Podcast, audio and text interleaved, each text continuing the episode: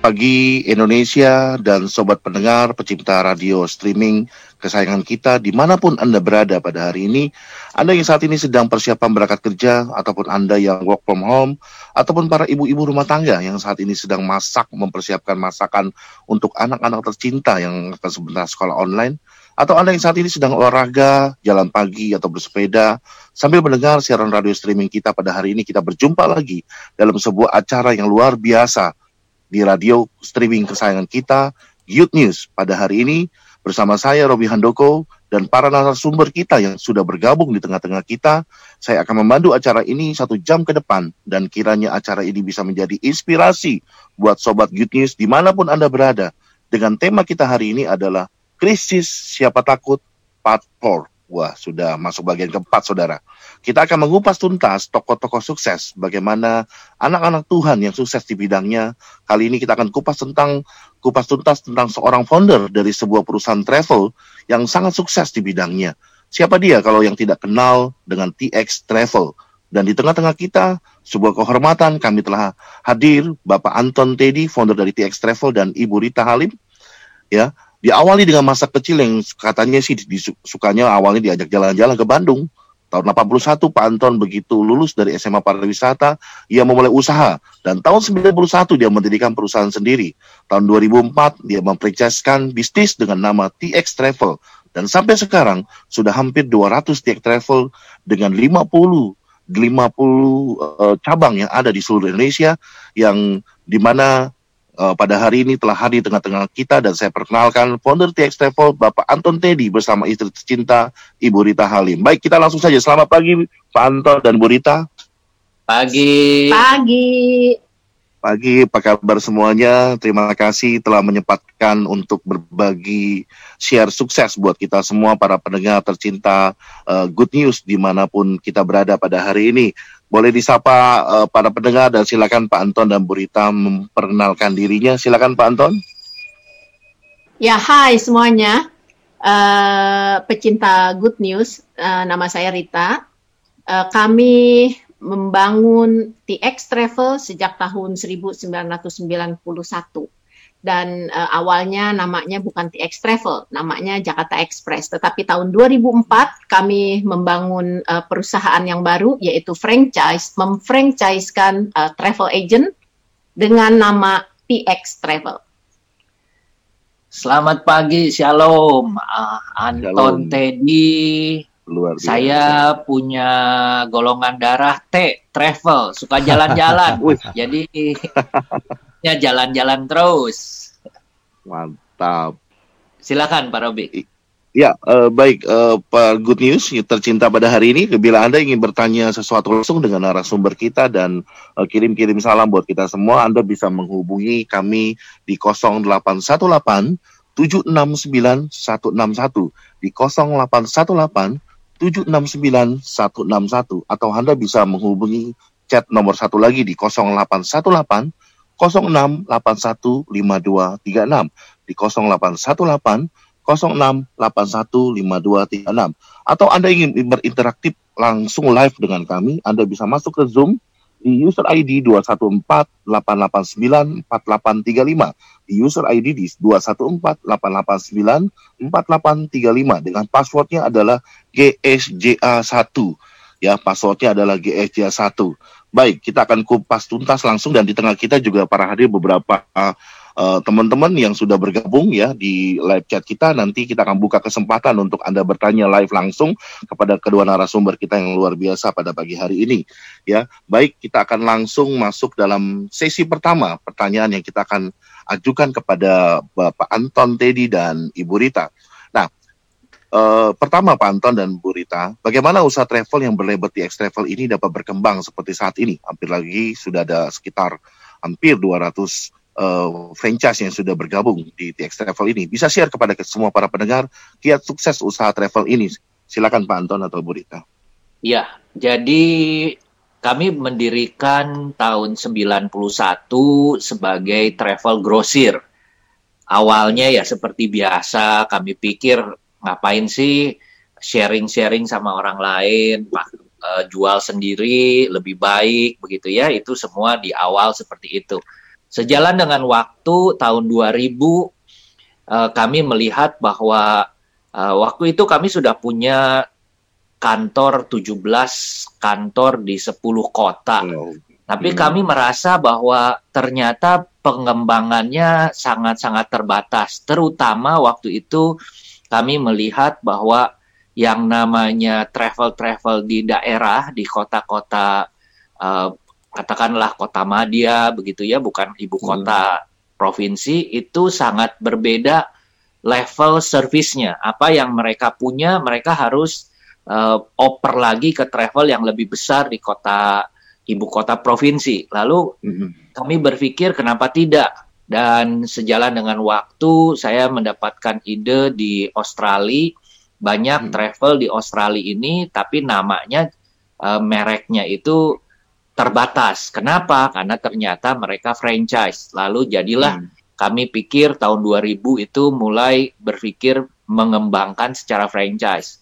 Akhirnya tahun 2004 kami buka, 2004 kita mulai franchise kan. Sekarang sudah 250-an di 60 kota.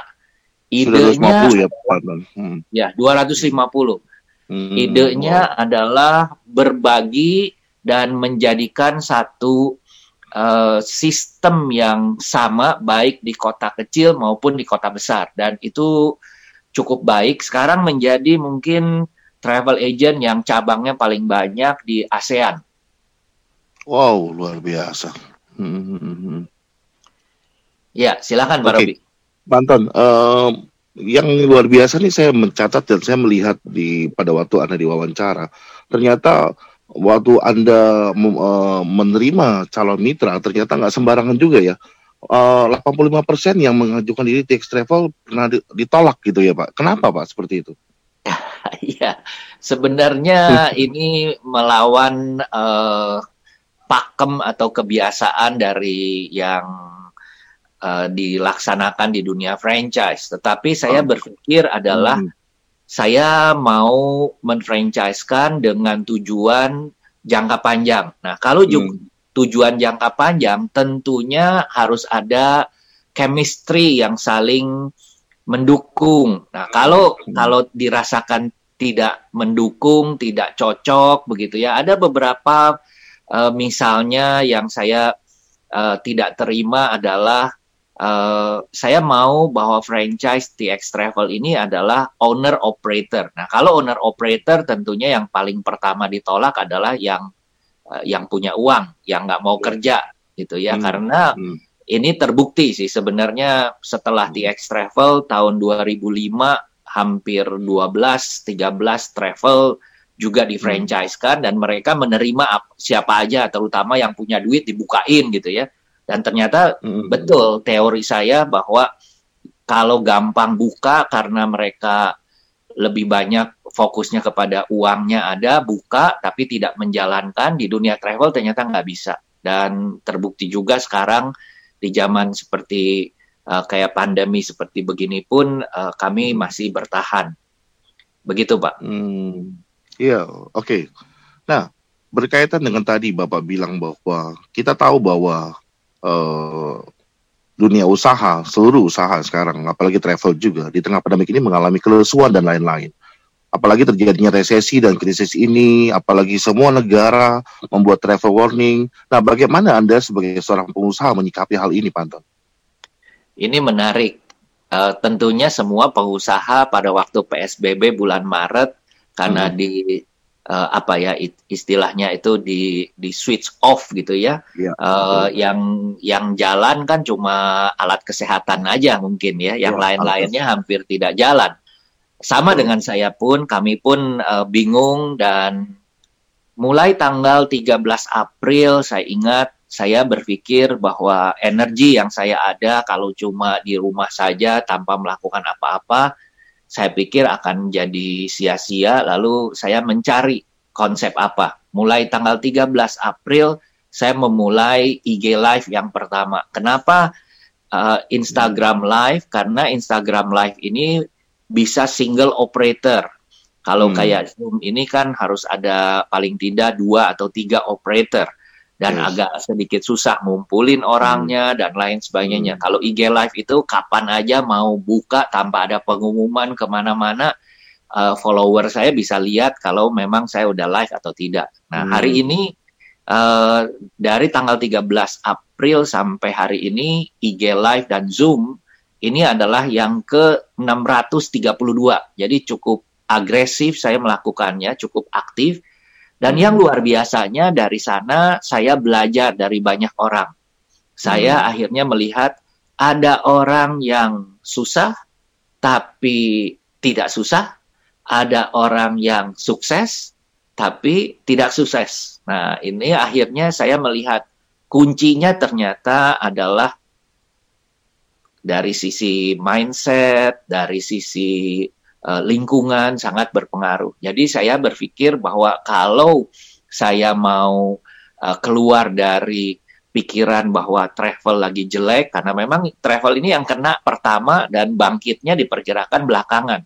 Nah, hmm. akhirnya saya memutuskan bahwa saya hanya bicara dengan orang-orang non travel. Saya bicara dengan orang-orang travel itu mungkin kurang lebih sekitar 10-15% saja 90-85 persen saya bicara dengan orang-orang di luar travel. Akhirnya saya mendapatkan bahwa satu, kalau pikiran kita memang positif, kita akan menjadi positif. Kedua, perlu dicoba. Nah, akhirnya kita melakukan PSBB yang pertama kan dibuka satu hmm. uh, Juli kita buka dari satu Juli sampai hari ini di tra travel di Jabodetabek ini mungkin ada sekitar lima ribuan yang buka kurang dari 100 travel saja. Kenapa? Hmm. Karena menurut saya pikiran tadi, pikirannya berpikir bahwa ya bisnisnya masih kecil ya udah nggak usah buka dulu deh gitu. Memang pada waktu kita buka 10 hari pertama hampir-hampir tidak ada orang yang telepon, tidak ada hmm. bisnis. Tapi kalau hari ini uh, mungkin orang ingat bahwa eh itu loh uh, Anton Teddy yang kalau IG live Zoom di mana-mana uh, aktif ini adalah yang punyanya TX Travel. Oh, TX Travel buka. Nah, ternyata sekarang kami menjadi semacam kayak pusat informasi buat travel-travel buat teman-teman yang kerjanya masih di rumah dan lain sebagainya dan oh. itu membangkitkan semangat. Jadi hmm. hal yang simple sebenarnya dari sana, kalau kita bicara dari sisi profit, dari sisi income masih belum, tapi hmm. ternyata yang lebih penting lagi adalah bukan profit dan income juga, tapi hmm. semangat, memberi semangat dan itu api menjadi berkobar-kobar lagi, Pak. Mantap. Jadi tidak mem mempengaruhi ya Pak bahwa krisis, resesi, siapa takut sesuai tema kita pada hari ini ya Pak Anton sebenarnya krisis itu kalau kalau boleh jujur krisis hmm. ini jauh lebih baik dibandingkan pada waktu kami menghadapi masalah yang besar lebih besar dari ini. Oh. Cuma hmm. bedanya adalah sekarang ini kelihatannya semua bisnis lagi uh, apa ya namanya Stuck. mungkin tak hmm. betul lagi tiarap gitu ya. Hmm. Nah Coba bayangkan Pak, pada kami tentu pernah mengalami yang namanya turun naik dalam uh, bisnis. Uh, kami pernah uh, pesawat yang kami charter uh, hmm. pada hari yang sama dikasih tahu tidak terbang. Waduh itu Waduh. kayaknya jantung rasanya copot gitu ya. Dan saya beruntung punya istri yang luar biasa yang uh, membantu saya pada waktu uh, kena kena seperti hal-hal seperti itu. Jadi memang uh, orang selalu bilang gitu ya di di balik suksesnya seorang suami selalu ada istri gitu. Nah, itu terbukti. Bukan di bukan di belakang di samping ya, Pak. Oh, di, di samping yang berita. Diubah, Pak. ya, ya, di iya, samping. Iya. Setuju, Pak. Sekarang iya, juga iya. lagi duduk di samping. Oh di samping. Luar biasa sobat pendengar ada sebuah inspirasi buat kita para pria-pria nih ya kita tahu bahwa kesuksesan kita ya campur tangan juga ya istri kita yang luar biasa yang menjadi penolong asal jangan Bu Rita capek sebagai penolong ya Bu ya baik Manton, menarik nih. Oke, saya buka pertanyaan dulu kepada sobat pendengar uh, yang ada di Zoom di tengah-tengah kita. Silakan, siapa yang mau bertanya silakan. Ya, saya ya, Pak Pak oh, Pak Robi saya mau nanya ya. sama Pak silakan. Anton dan Bu Rita nih. Hmm. Ya, shalom. Pak Anton, Bu Rita saya mau nanya nih, saya Edward. Uh, sekarang ini kan ini yang tadi Pak Robi sempat ngomong banyak travel yang dampaknya signifikan nih akibat pandemik. Bagaimana tech travel ini e, menanganinya, khususnya cabang-cabang ya, untuk tetap bisa survive di tengah krisis. Gitu. Iya. Oke, makasih Pak Edward. Memang, memang uh, kalau kita bicara uh, dari sisi income, dari sisi bisnis, ini masih jauh ya, masih jauh. Memang pada waktu awal kami bilang bahwa uh, sekarang adalah namanya survival, survival mood. Apa yang bisa dilakukan? Monggo silahkan lakukan. Bisa masak, jualan masak, silahkan. Bisa jualan masker, silahkan jualan masker. Paling tidak ada semangat kehidupan dulu. Itu yang pertama. Hmm. Yang kedua adalah kami sebagai kantor pusat punya 200-an franchisee plus ada 12 ribu reseller di bawah kami memang punya satu beban moral yang sangat besar.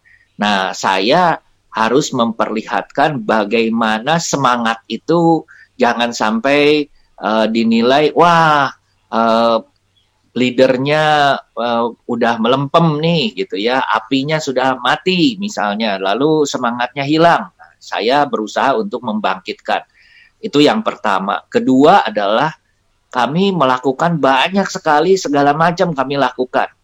Sampai-sampai ada yang memberikan istilah kepada saya ini, mereka mengatakan, Pak Anton ini adalah contoh dari pilot on the plane. Jadi seorang pilot itu harus di dalam pesawatnya. Tidak bisa seorang pimpinan itu pada waktu krisis seperti begini, ongkang-ongkang kaki di tempat lain, tapi harus on the on the plane karena pada waktu krisis, pilotlah yang bisa melihat uh, segala macam instrumennya yang nggak benar, cuacanya yang nggak benar, di depan ada apa, di kiri kanan dan lain sebagainya. Nah, saya melakukan banyak hal, misalnya yang konkret. Pada waktu bulan Juli saya melakukan research bahwa yang akan tumbuh sekarang ini timbul orang takut terbang orang takut ada di dalam satu ruangan tertutup. Artinya, tourism akan terkena. Pada waktu itu belum ada istilah microtourism. Microtourism adalah traveling di bawah 5 jam yang dekat-dekat dengan kendaraan sendiri. Yang hmm. ada adalah kita biasanya bikin grup sama-sama, bareng-bareng, kumpul di dalam bus, jalan gitu ya. Nah ini tidak bisa karena orang takut kumpul di dalam bus saya mau bikin uh, ada permintaan satu keluarga besar mau bawa anak-anak cucunya ke uh, taman safari. Pertanyaan pertama adalah sopirnya uh, bagaimana, keneknya bagaimana. Saya bilang oke okay, nggak apa-apa kita PCR tambah 2 juta. Oh nanti setelah di PCR bagaimana? Di karantina dulu. Oke okay, karantina tiga hmm. hari lagi. Akhirnya ya bubar grup ini karena mereka sendiri tidak merasa yakin merasa nyaman kalau pergi sama-sama dalam grup. Nah, intinya dari sana saya mulai melihat bahwa ini perlu terobosan. Nah, akhirnya sekarang ini mungkin saya bisa bilang kamilah satu-satunya sekarang yang mengadakan uh, microtourism pergi apakah itu ke Tanjung Lesung, ke Bandung Selatan, pergi ke objek-objek wisata dengan kendaraan sendiri kumpulnya di objek wisatanya.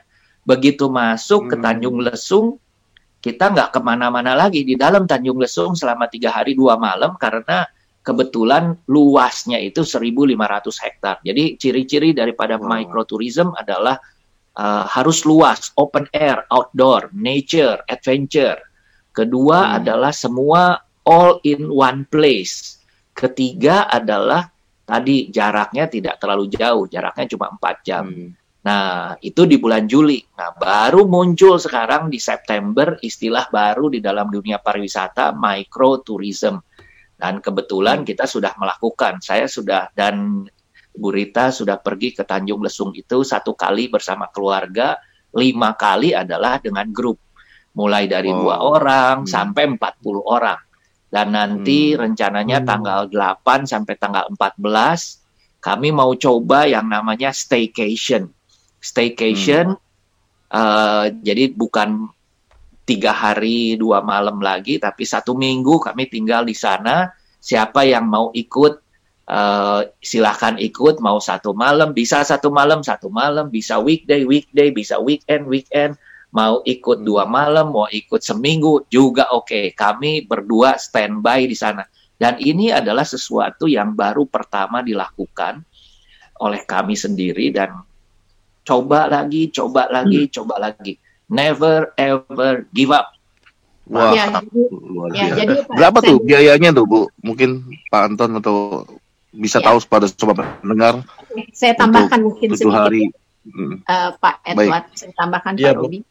Uh, pada dasarnya, pada saat uh, pandemik seperti begini, kita jangan termangu, jangan hmm. uh, apa namanya, jadi kita uh, di, berdiam diri gitu, hanya melihat. Betul. Kita harus do something. Kita hmm. harus melakukan sesuatu supaya semangat kita itu tetap menyala. Tentunya yang paling penting kita mengalir, berdoa, minta pimpinan hmm. Tuhan itu paling penting.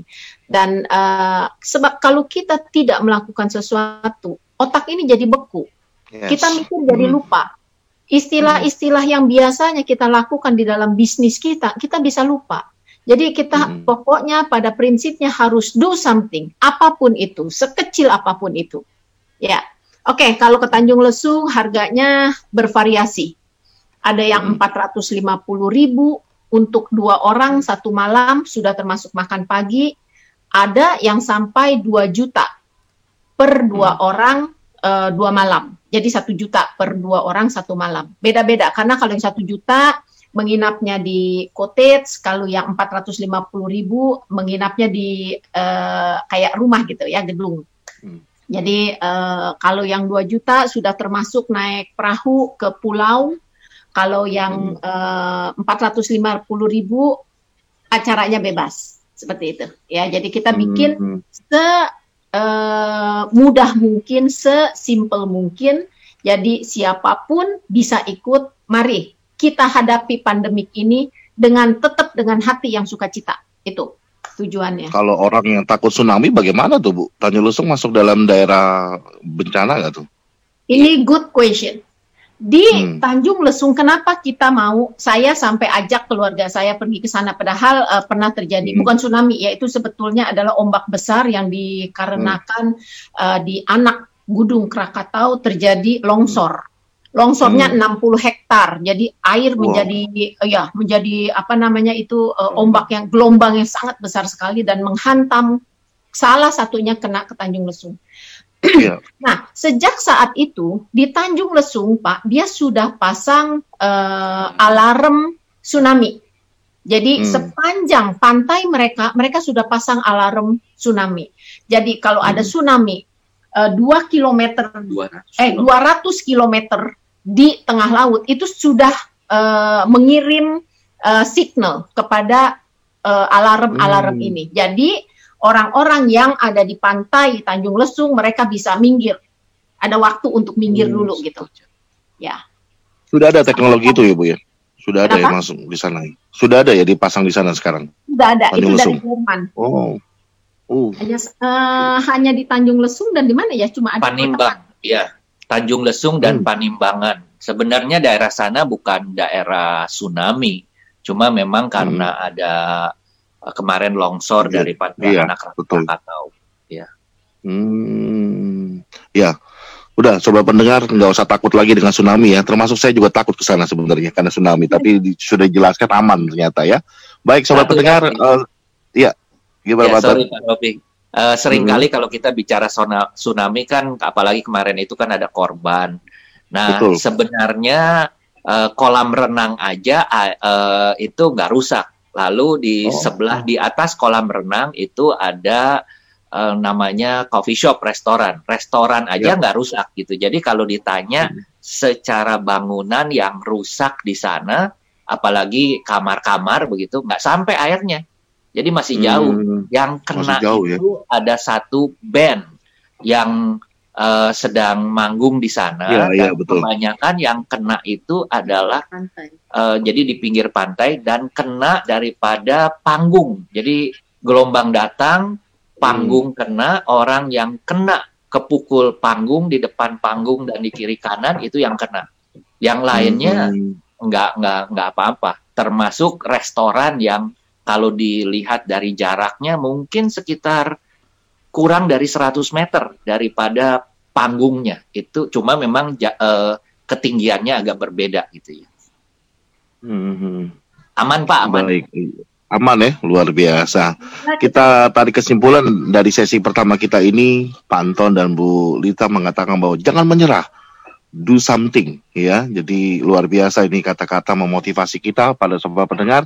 Baik, saya buka lagi pertanyaan kepada ini banyak sekali luar biasa hari ini di Zoom biasanya enggak seramai ini ya Pak Yusak. Uh, ya. Bisa silakan yang mau bertanya langsung silakan. Ya, saya Pak. Pak, saya mau tanya nih. Siapa nih? Uh, Wilson Pak. Shalom, selamat pagi semua. Salam sehat.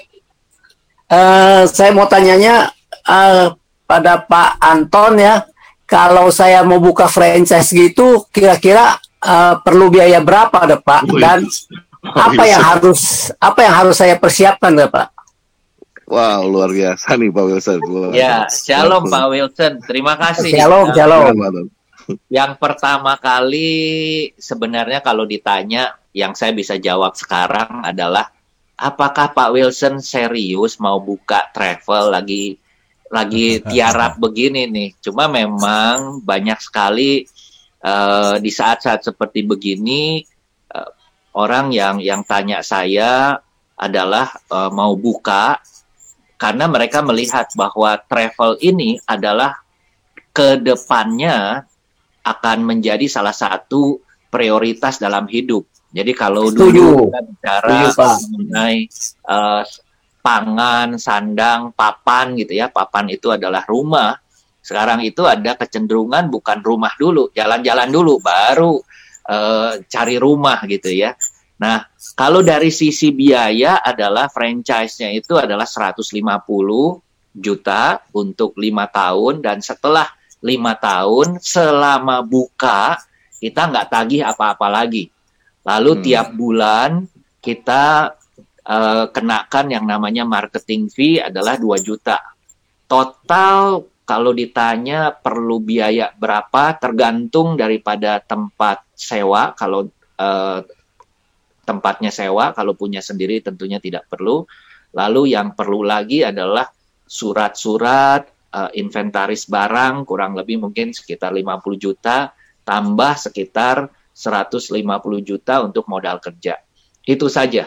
Cuma memang Pak Wilson, saya mohon maaf kalau uh, yang itu kan secara teknis gitu ya.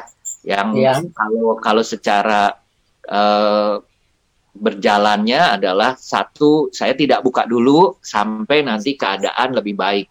Saya punya punya beban moral untuk uh, menjalankan dulu ya sampai bisa jalan dulu semuanya itu satu. Kedua adalah pertanyaan yang selalu saya berikan adalah nanti siapa yang akan megang? Karena kalau yang megangnya misalnya bukan Pak Wilson atau bukan keluarga sendiri, nanti itu saya punya uh, punya kewajiban untuk membuat orang yang menjalankan ini pinter. Nah, kalau udah pinter lalu tidak punya hubungan apa-apa dengan bapak, bukan keluarga dan lain sebagainya, kalau dia buka sendiri, saya jangan disalahkan karena saya akan memberikannya all out dan bisnis travel adalah lebih kepada owner operator, bukan hmm. owner investor. Beda. Oh, begitu, Pak. Nah, uh, misalnya ya, Pak, uh, uh, saya bisa nggak di handle dari secara online gitu Pak. Jadi saya nggak perlu di tempat gitu loh. Bisa Pak. Jadi kami bikin yang namanya reseller. Reseller hmm. ini bedanya adalah tidak bis tidak buka uh, tidak pakai nama TX Travel. Semua sistem, semua pelajarannya sama. Bedanya adalah uh, boleh online, boleh ada tempat. Bedanya sebenarnya cuma satu. Kalau TX Travel itu kita setiap bulan ada internal meeting. Internal meeting ini sebenarnya uh, kalau sekarang Zoom gitu ya, lebih kepada bagaimana uh, landscape, bagaimana tourism outlook, bagaimana yang harus kita lakukan. Nah, kalau yang menjadi reseller, itu reseller ini biayanya cuma bayarnya 5 juta aja sekali bayarnya 5 juta. Jadi nggak ada bayar bulanan dan lain sebagainya. Ini yang saya maksud saya punya 12 ribu itu. Jadi banyak sekali yang mereka reseller ini malahan punya travel sendiri, namanya sendiri, tapi mereka nggak punya produk. Produknya ambil lewat kita pakai sistem. Itu aja sih. Jadi kalau sekolah buka franchise di X Travel itu harganya yang memang agak sedikit mahal karena kan private gitu ya. Kalau uh, sekolahnya online uh, cuma 5 juta aja menurut saya sih uh, Pak Wilson bisa mulai dari yang uh, reseller dulu dan reseller ini pun belum dibuka juga kembali lagi belum dibuka jadi yeah, nanti yeah. nanti Pak Wilson boleh boleh tanya-tanya lagi WA saya kali ya minta ke Pak Robi WA boleh. saya biar nanti oh, iya. boleh Pak Wilson tenang fee-nya jangan lupa buat saya Pak Wilson ya. Oke, okay, siap. udah, udah langsung yeah. mau buka. Yeah. Dia habis closing kemarin nih ya. Luar iya. biasa. Thank you Pak Wilson ya terjawab okay, ya Pak Wilson. Nanti saya kasih nomor Pak Anton dan Bu Rita kepada Anda ya.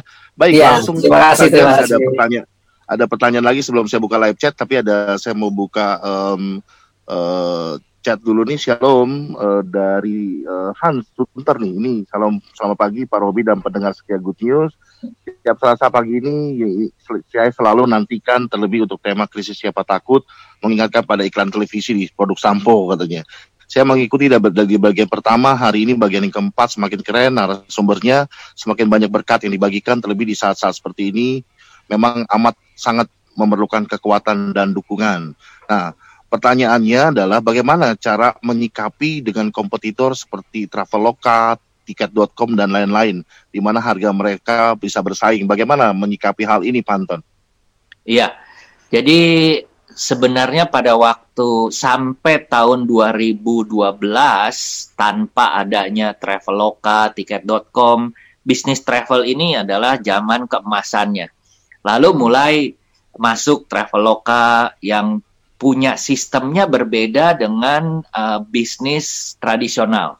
Kalau travel biasa itu tradisional modalnya 500 ribu, kita jualnya 500 ribu plus keuntungan ya misalnya 50 ribu misalnya 10 ribu pokoknya ada keuntungan nah kalau hmm. online travel ini konsepnya adalah bukan jualan online tiket tapi jualan saham mereka valuasi daripada harga sehingga harga perusahaan sehingga mereka menjual modalnya 500 dijual mungkin dengan harga 400 kenapa hmm. 100 ribu itu adalah namanya customer acquisition cost di mana uh, mereka membeli orang-orang gitu ya, membeli konsumen. Rugi nggak apa-apa karena duitnya uh, dari pemegang saham yang di, dibuat sedemikian rupa tadinya valuasinya adalah cuma 100 juta, 100 miliar, sekarang sudah menuju kepada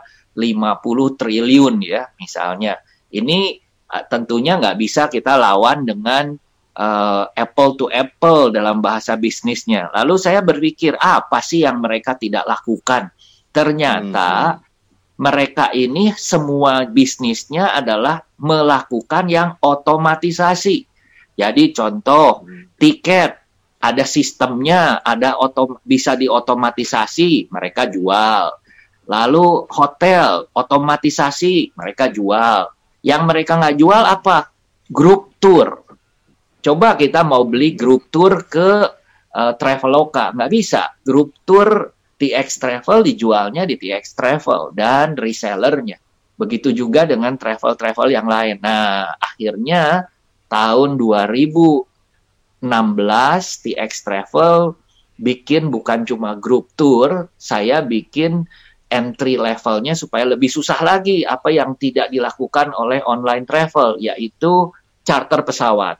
Jadi kami dari 2016 sampai sebenarnya tanggal 25 Januari 2020 per minggu ada 11 pesawat charter ke China. Jadi hmm. satu kreativitas, kedua harus pelaku bisnis ya. Kalau kita bukan pelaku bisnis ngelihatnya wah beli ke Traveloka lebih murah betul. Saya juga sering kok beli ke Traveloka. Kenapa? Ya dia lagi bakar duit, saya untung nggak apa-apa kan gitu ya. Jadi dia yang bakar-bakar, kita yang untung gitu. Dan itu dilakukan oleh banyak travel agent yang lain juga beli ke tra ke Traveloka gitu ya. Nah, Pertanyaan adalah hal ini yang menarik lagi data tahun 2019. Jadi kita sebagai orang awam kelihatnya ya itu murah-murah betul. Tapi yang menarik adalah 2019 data tiket domestik di Indonesia dijual hmm. oleh online kebanyakan adalah Traveloka dan tiket.com ini angkanya 38 juta dijual hmm. oleh travel agent yang mungkin jumlahnya 50 ribu ya hmm. ini 62 juta dijual langsung wow. oleh airline kurang lebih sekitar 15 15-an sekian juta ya di bawah 16 juta jadi kalau dilihat bisnis travel agent ini ternyata uh, tidak habis juga kenapa tidak habis ternyata ada beberapa hal di Indonesia yang pertama masih banyak perusahaan yang tidak bisa dilayani oleh online. Kedua, masih banyak eh, orang-orang uh, yang pengen dilayani secara uh, manual. Mereka telepon ke TX Travel, Panton beli ini tanggal segini. Oh iya, lalu kita lakukan secara otomatisasi. Nah, hal yang seperti ini pada waktu tidak ada pandemi tidak terasa. Sekarang di zamannya pandemi seperti begini mulai muncul. Bagaimana uh, kesulitan orang yang beli di sistem online untuk proses refund. Nggak ketemu orang. Semua berdasarkan email. Nah makanya juga hmm. apa yang kami lakukan di dunia uh, bisnis ini adalah sebenarnya kan membangun bisnis adalah soal kepercayaan bisnis adalah yes. soal uh, building the trust and the brand gitu ya. Kualitas daripada satu hmm. travel itu bukan karena servisnya saja, tapi pada saat kejadian seperti begini apa yang dilakukan. Nah, Ibu Rita mengusulkan kepada saya untuk memberikan semua orang yang uh, tidak jadi pergi dan lain sebagainya itu uangnya kita kembalikan. Jadi yang beli hmm. tiket ke kita, uh, kita dapatnya voucher, kita kembalikan dalam bentuk cash. Ya, hal seperti ini hmm. adalah membeli kepercayaan pada waktu lagi pandemi seperti begini. Apakah online bisa melakukan? Online ternyata tidak bisa melakukannya. Kenapa? Kalau melakukan seperti itu bisa dibayangkan mungkin mereka akan mendapat financial problem. Kita juga punya financial problem, tapi kembali lagi saya berusaha untuk uh, memberikan sesuatu yang terbaik ya kita harus harus eh, menyiapkan dana talangan. Jadi kalau ditanya kesempatan berbisnis di dunia travel sampai sekarang itu uh, dengan adanya online travel agent masih oke, okay. masih oke okay. dan kita mesti menuju ke online sebenarnya. Bedanya adalah kita sudah online, bedanya kita masih ada orang-orang staff yang melayani. Begitu ya. Oke, luar biasa nih. Aduh, biasanya saya selalu selingi dengan lagu. Sekarang ini karena banyak sekali yang bergabung yang mau bertanya, Pak. Baik, silakan. Ada lagi yang mau ditanyakan oleh uh, live chat langsung, silakan. Ya, shalom, siapa? Shalom, Pak Robi. Shalom, shalom, Pak Anton, dengan Dayat, Pak. Oh, Pak Dayat. Oke, Pak Dayat. Pagi, ya, Pak Dayat. Ya, silakan, pagi, Pak Dayat. Pak Anton, saya ingin bertanya nih terobosan apa yang akan dilakukan TX Travel bila mana pandemik akan berlanjut terus sampai tahun depan, Pak Anton. Terima kasih, Pak Anton, Pak Robi. Shalom. Ya. Oke, terima kasih, Pak. Shalom, Pak Dayat. Terima kasih. Uh, tanpa berusaha untuk mendahului kehendaknya, saya melihat bahwa uh, dunia travel ini tidak akan mati itu yang pertama. Saya punya hmm. keyakinan itu travel agent never die. Kedua adalah bahwa akan terjadi perubahan. Sebenarnya kalau dilihat perubahan gaya traveling uh, masa depan adalah sebenarnya kita bisa lihat dengan kebiasaan orang-orang di negara Jepang. Yang pertama, hmm. mereka kalau sakit, mereka pakai masker. Ya, itu udah dari dulu. Sejak saya hmm. pertama kali ke Jepang tahun 80-an, uh, eh, orang Jepang pakai masker kalau dia sakit gitu ya. Itu yang pertama. Kedua, orang Jepang hampir-hampir uh, tidak ada yang kalau ketemu itu salaman cipika-cipiki atau pakai jabat tangan. Nggak ada. Mereka uh, apa namanya uh, bungkuk ya itu jadi ini adalah physical distancing dan ini adalah gaya masa depan gitu ya. Makanya kalau kayak sekarang ini gaya orang Jepang itu menurut saya adalah kita bisa kopi dari sisi kebersihan. Hmm. Segala macam ke depannya adalah kebersihan. Kedua adalah kelihatan sekali bahwa ada kebiasaan baru orang-orang takut kalau dulu kita pergi ke kuliner misalnya, kuliner ini terkenal, kita mau pergi, antrinya lama, kita tungguin. Sekarang antrinya lama, kita cari yang yang nggak antri.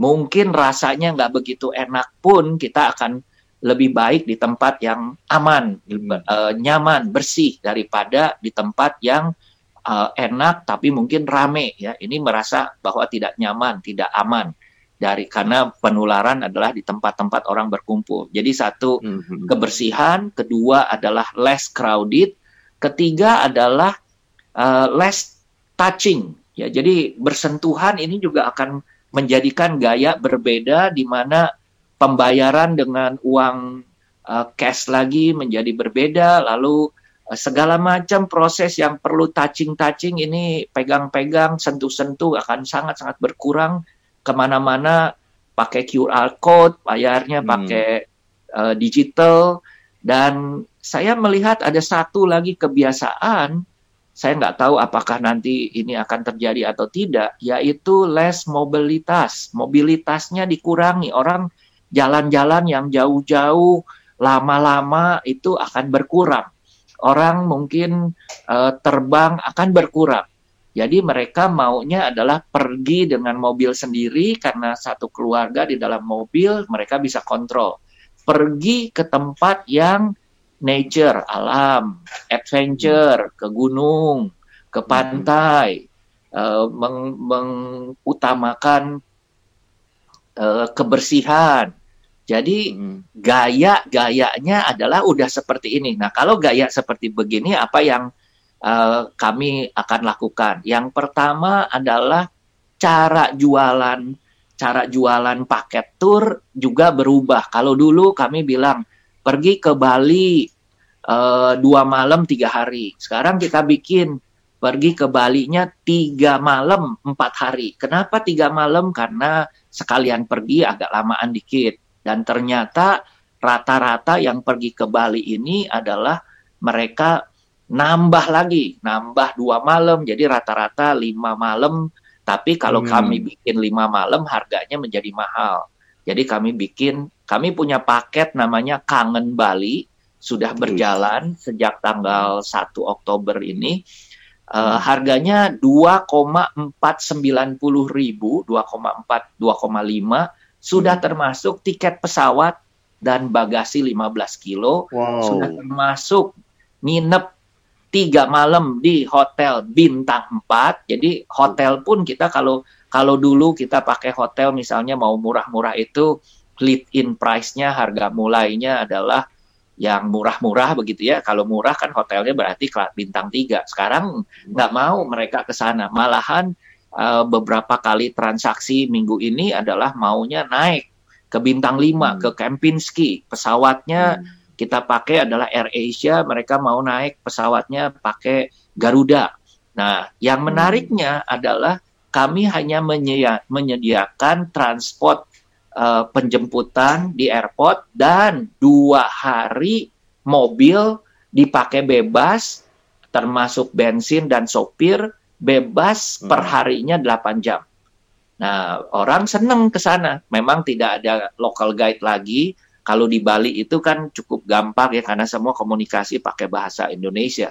Kami buat seperti ini mulai bikin ke Danau Toba, ke Pulau Cinta di eh, Gorontalo, bikin ke Lombok. Nah, ini akan menjadikan satu tren ke depan orang pergi bukan kelompok besar dengan orang yang tidak dikenal, tetapi pergi dalam kelompok kecil uh, dalam orang-orang yang sudah dikenal. Tiga tahun yang lalu saya sudah melihat uh, cara seperti begini adalah hmm. waktu charter pesawat dari Jepang ke Bali. Isinya hmm. 300 orang dari 300 hmm. orang, guide-nya ada 150. Ternyata semua orang yang naik di dalam pesawat itu paketnya adalah dua orang, dua orang. Perginya semua sama, ABC. Hmm. Tetapi tiap dua orang satu guide, satu mobil. Kenapa? Si A, eh, orang yang pertama mungkin dia senang di A-nya lebih lama. Atau ada yang hmm. nggak hmm. mau pergi ke BC, ya silahkan aja jadi memang gaya ke depan kalau mengkopi daripada pariwisata di Jepang yang sudah individual, hygiene, hmm. security sangat tinggi. Saya masih ingat orang Jepang itu senang dengan laut, dengan snorkeling, diving, tetapi tidak berani pergi ke Wakatobi. Wakatobi ini di Sulawesi adalah hmm pusatnya karang dunia dari 800 lebih koral yang ada di seluruh dunia, 700-an adanya di Wakatobi. Orang hmm. Jepang nggak pergi ke sana. Saya bingung, Pak Bupati. nah, eh, saya tanya ke Pak Bupatinya, Pak Bupatinya bilang karena tidak ada rumah sakit untuk kecelakaan hmm. di dalam laut. Jadi hmm. di di kota Wangi-Wangi Wakatobi ini kalau orang Jepang suka sekalipun, tapi kalau mereka kecelakaan harus dibawa ke Makassar, mereka tidak pergi. Nah, hal-hal yang seperti begini akan menjadi tren ke depan.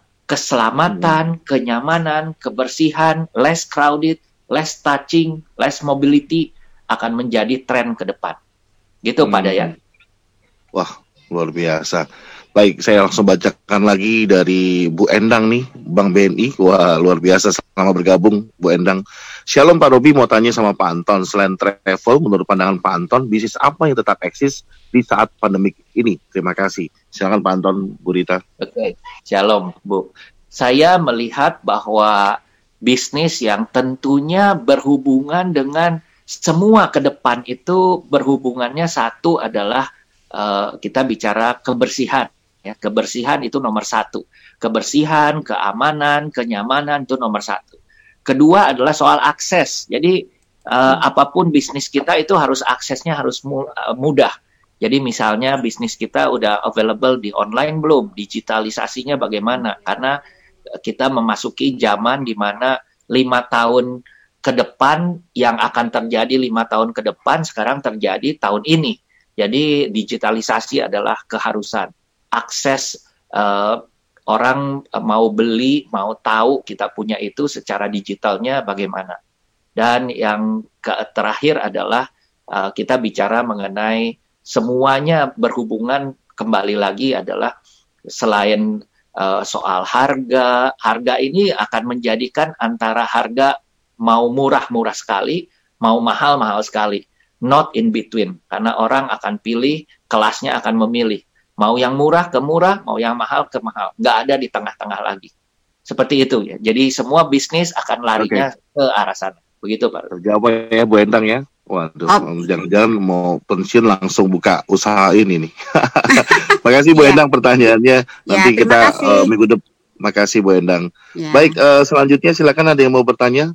Wah, waktu berjalan terus nih sebenarnya nggak cukup satu sesi kita pantun harus dua sesi selanjutnya. Siap-siap pantun nanti ya diundang lagi. Siap. silakan ada yang mau bertanya silakan teman-teman.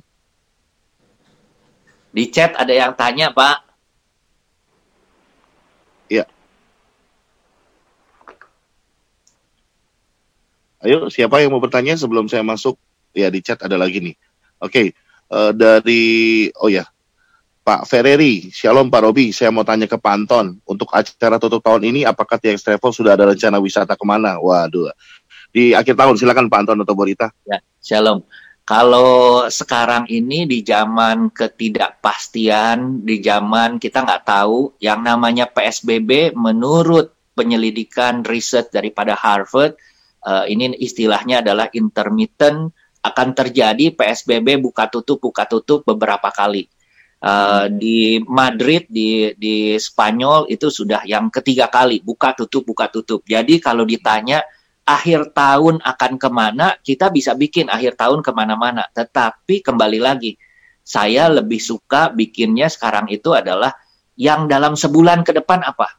Jadi kalau hmm. ditanya uh, trennya pun akan melakukan seperti itu. Misalnya contoh terjadi hmm. tren yang berganti anta, uh, bukan ber berganti total tapi mulai perubahan. Misalnya dulu itu orang jalan-jalan adalah weekend dan liburan. Sekarang ini weekday juga mereka mulai bisa jalan dan mereka lebih senang hmm. weekday karena sepi, tidak macet. Hmm. Kenapa? Karena mereka work from home, sekolah juga dari rumah dan yang sekarang jadi penting adalah harus ada akses kepada sinyal.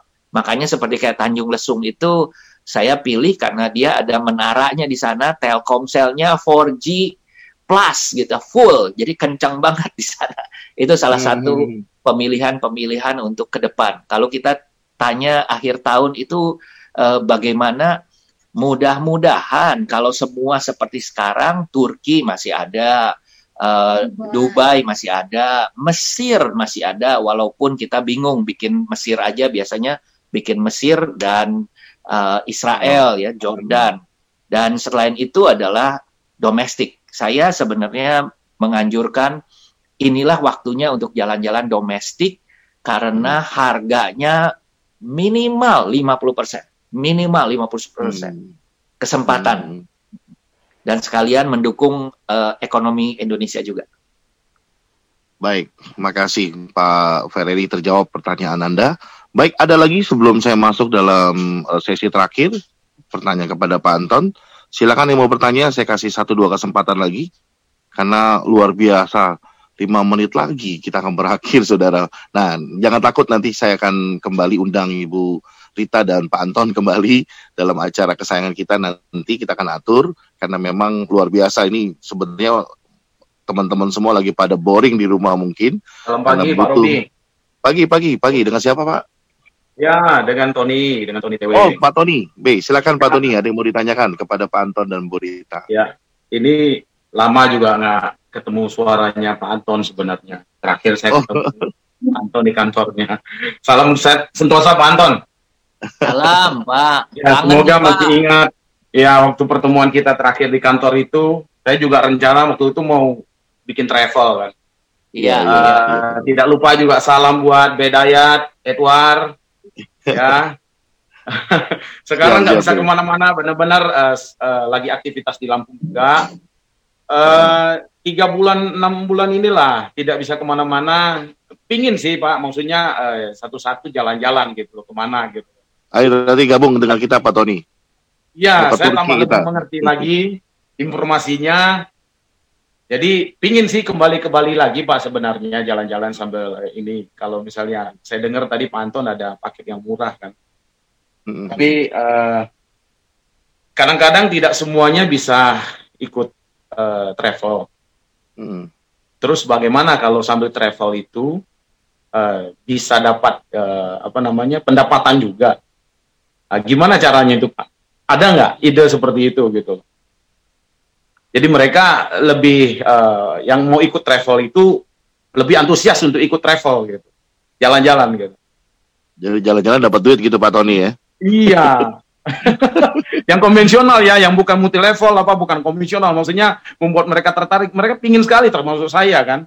Uh, Benar-benar nggak bisa keluar dari uh, lokasi saya sekarang ini karena daerah sini sudah ada isu pandemik dua orang gitu. Oh. Dan dua bulan ini. Di mana Pak Tony? Di Lampung. Dari pabrik saya, ya? Di mana Pak Tony? Saya di Lampung, di Lampung Tengah, di Bumi Lampung, ya? Iya, baru-baru di sini baru-baru keluar. Lampung oh, banyak sekali tempat wisata, Pak. Iya, iya, iya. Silakan Pak Anton mungkin bisa dijawab Pak Anton dari Pak Tony di ya. Lampung. Ya, shalom Pak, Tony. Pak Tony. Udah lama juga nih, kangen juga. Uh, ntar mesti ketemu lagi ya Pak ya, kapan-kapan. Ya, ketemu ya. lagi. Ya, saya saya uh, membuat yang namanya reseller. Reseller ini misalnya saya ambil contoh ke program ke Tanjung Lesung gitu ya. Ke Tanjung Lesung ini 450 ribu, saya memberikan komisi 10 persen. Jadi kalau hmm. uh, lumayan juga gitu ya, kalau ditanya dan rata-rata mereka itu nginep itu dua malam. Kalau dua malam berarti katakanlah 900 ribu. 900 ribu kalau ada lima orang aja udah bisa pergi gratis gitu ya. Nah hal-hal yang seperti begini sebenarnya yang saya coba inilah yang kita praktekin bagaimana menjadi berkat, bagaimana menjadi saluran berkat gitu ya. Saya ya, ya. dalam satu titik sudah sudah uh, pada waktu itu udah udah menyerah ya. Uh, saya bilang sama Rita, saya bilang Mih kita udah angkat tangan, kita ya. udah bingung ini bagaimana travel itu, apalagi uh, travel itu nggak bisa, airport tidak dibuka, pesawat tidak terbang, uh, hotel tutup, objek wisata tutup gitu ya. Nah di situlah uh, Rita mengingatkan pada saya pada waktu kita lagi angkat tangan, biarlah Tuhan turun tangan dan dengan kemauan kita mulai berpikir dengan positif tiap hari kita uh, fokus dan ternyata memang terjadi Tuhan itu tidak tidak lepas tangan Tuhan Amin. turun tangan hmm. Hmm. luar biasa Amen. jadi pemberiannya sepuluh persen pak ya Iya. pasti pasti Silakan akan Pak Pak. Terima kasih Pak. Baik, luar. Pak Robi, ya Pak Anton. Terima kasih, Tony. Uh, luar. acara ini. Bagaimana siaran, siaran radio Ki? Ya, Pak Tony, bagaimana suara Ya, Pak Tony, bagaimana suara kita di Lampung sana? Oke, okay. bagus terdengar. Suara jelas, jelas sekali, jernih, jernih jelas, ya? sekali. Jelas sekali, jernih. Ya, ya. tidak terputus-putus. Terima kasih, ya. Pak Tony. Tuh, ya, Tuhan berkati Pak Tony. Semuanya. Ya, mohon izin saya lihat. Ya, salam ya Pak Anton. Buat Babe ya, semua. Salam. Thank you. Ya, baik mungkin terakhir terakhir Pak Anton dan Bu Rita nih uh, apa saya mau tanya tentang karena waktunya memang saya uh, mungkin dikasih lima menit sedikit ya. Tentang Turki bagaimana Bu Rita bisa dipromosikan sedikit Turki bulan Februari ada salju katanya. Silakan Bu. Ya, uh, oke okay, mengenai Turki. Sekarang nih lagi masa pandemik begini, banyak sekali customer saya pada nanya, aduh kita bisa jalan-jalan ke mana nih, udah bosen banget nih, udah jenuh banget nih, pengen jalan-jalan, udah gatel nih kaki nih, wah udah ada macam-macam. Nah ya. sekarang ini ternyata uh, Turki dan Dubai sebetulnya itu sudah buka. Ya seperti kita ketahui banyak sekali negara-negara yang tidak bisa menerima uh, paspor Indonesia sekarang ini ya. Tetapi untuk Turki dan Dubai mereka bisa terima. Nah mengenai Turki Turki ini sangat bagus sekali. Saya sangat suka sekali dengan Turki. Kenapa? Turki dulu 10 tahun yang lalu, kalau kita mau pergi ke Turki itu mahal, ya sekitar 2.400 US dollar. Tetapi sejak yang banyak kasus kemarin ini mengenai uh, apa ISIS ya, hmm. jadi negara Turki ini uh, ditinggalkan orang seperti begitu. Ya padahal dulu itu menjadi favorit sekali. Nah uh, mereka uh, berusaha untuk membangun kembali pariwisata mereka, turisme mereka. Nah, mereka menurunkan harga. Sekarang ini kalau kita pergi ke Turki itu murah. Pada saat itu setelah kasus ISIS ke Turki murah. Ditambah lagi dengan kasus pandemik sekarang. Jadi harganya benar-benar sangat uh, bottom sekarang. Kalau mau pergi ke Turki sekarang waktunya. Turki itu indah. Turki adalah perpaduan antara Eropa dengan Middle East ya karena memang dia lokasinya kan di tengah-tengah dunia di Mediterranean mid di tengah dunia dia jadi uh, perpaduan antara uh, padang pasir ya dengan negara bukan padang pasir sih. Pokoknya negara yang unik dengan uh, perpaduan dengan uh, Eropa ya. Jadi hmm. dia negaranya adalah Eropa tetapi juga berbatasan dengan Asia. Jadi sangat unik sekali. Dan perlu diketahui kalau untuk uh, apa uh, religion ya hmm. Turki ini adalah pusat berkembangnya agama Kristen dari hmm. sejak 2000 tahun yang lalu. Jadi dari Israel, dari Jerusalem itu murid-murid Yesus membuka uh, perkembangan agama itu adalah ke Turki. Makanya Turki itu hmm. adalah menjadi pusat agama. Walaupun Turki sekarang 90% adalah beragama uh, Muslim, tetapi negara ini sangat tidak uh, apa sangat modern gitu ya. Muslim uh, Muslim modern. Jadi dan kalau kita perginya pada saat musim dingin, Januari, Februari, salju di sana, saljunya tebal ya.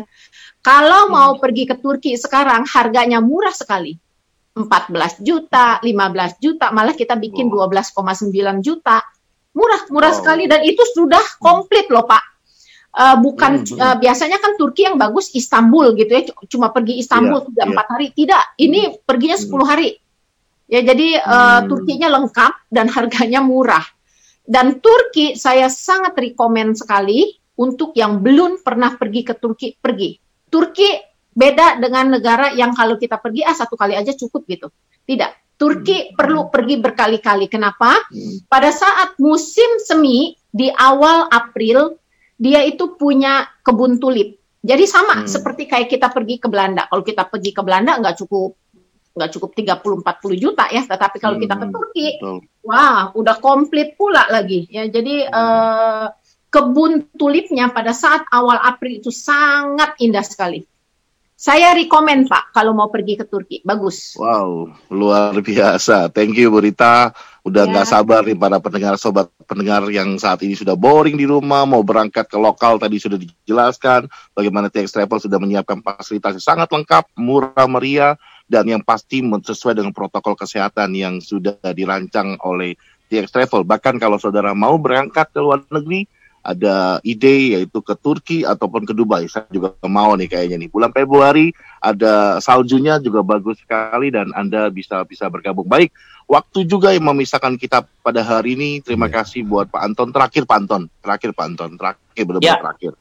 Uh, saya mencatat bahwa pada saat Anda juga mengalami awalnya mengalami khawatir juga, tapi Anda bilang Anda berserah, anda Anda meminta campur tangan Tuhan yang luar biasa. Ya mungkin pada saat ini para sobat pendengar merasakan situasi ekonomi yang uh, ya seperti ini sekarang, resesi, krisis dan sebagainya. Mungkin tips terakhir buat uh, Pak Anton dan Bu Rita kepada para sobat pendengar. Silakan Pak Anton. Saya mau uh, sharing bahwa Tuhan itu tidak pernah meninggalkan Amin. kita, melepaskan kita kita harus terus memberikan satu membangun api uh, semangat karena kita yes. tidak tahu. Yang terakhir adalah bahwa kita harus juga berhubungan.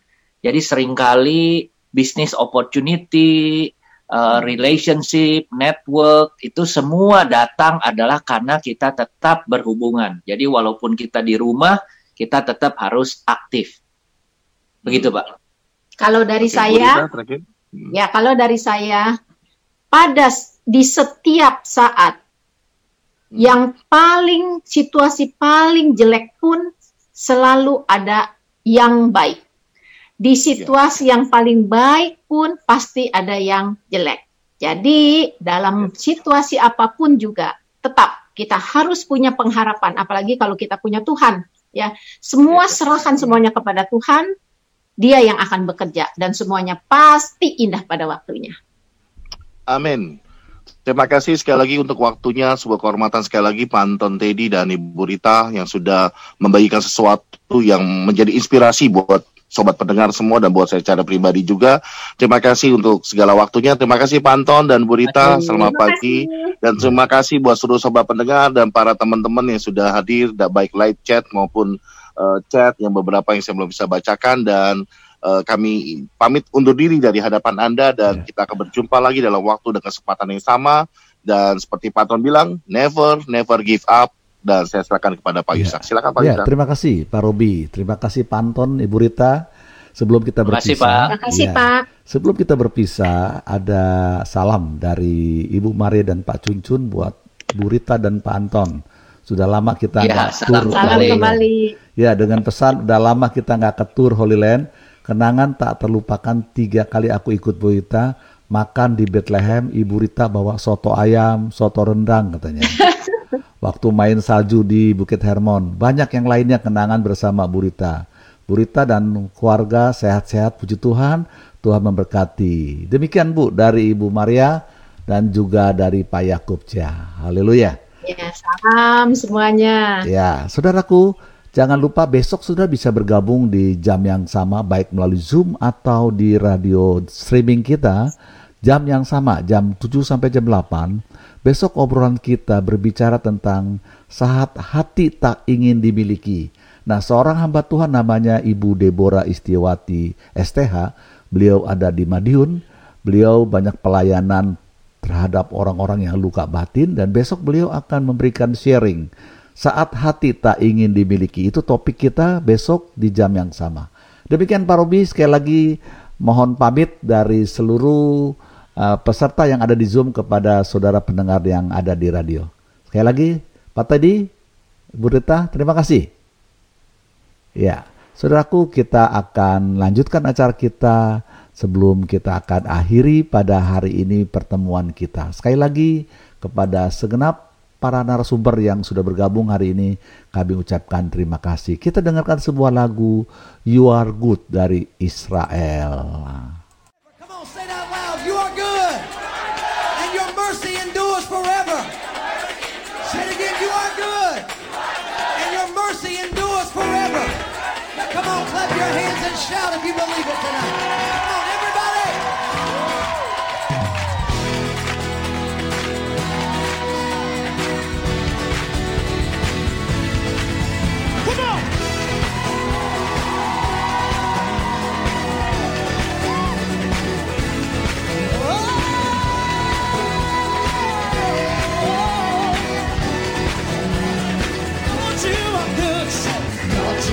good and your mercy endureth forever.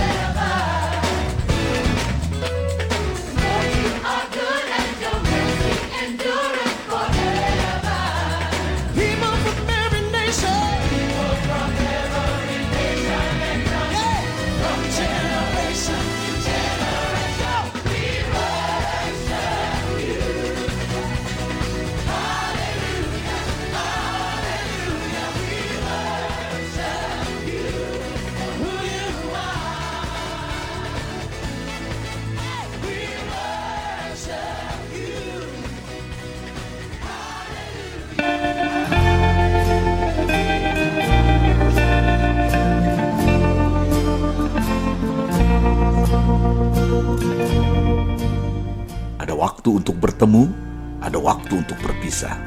Sampai jumpa esok hari bersama radio streaming Good News di waktu dan jam yang sama. Tuhan memberkati.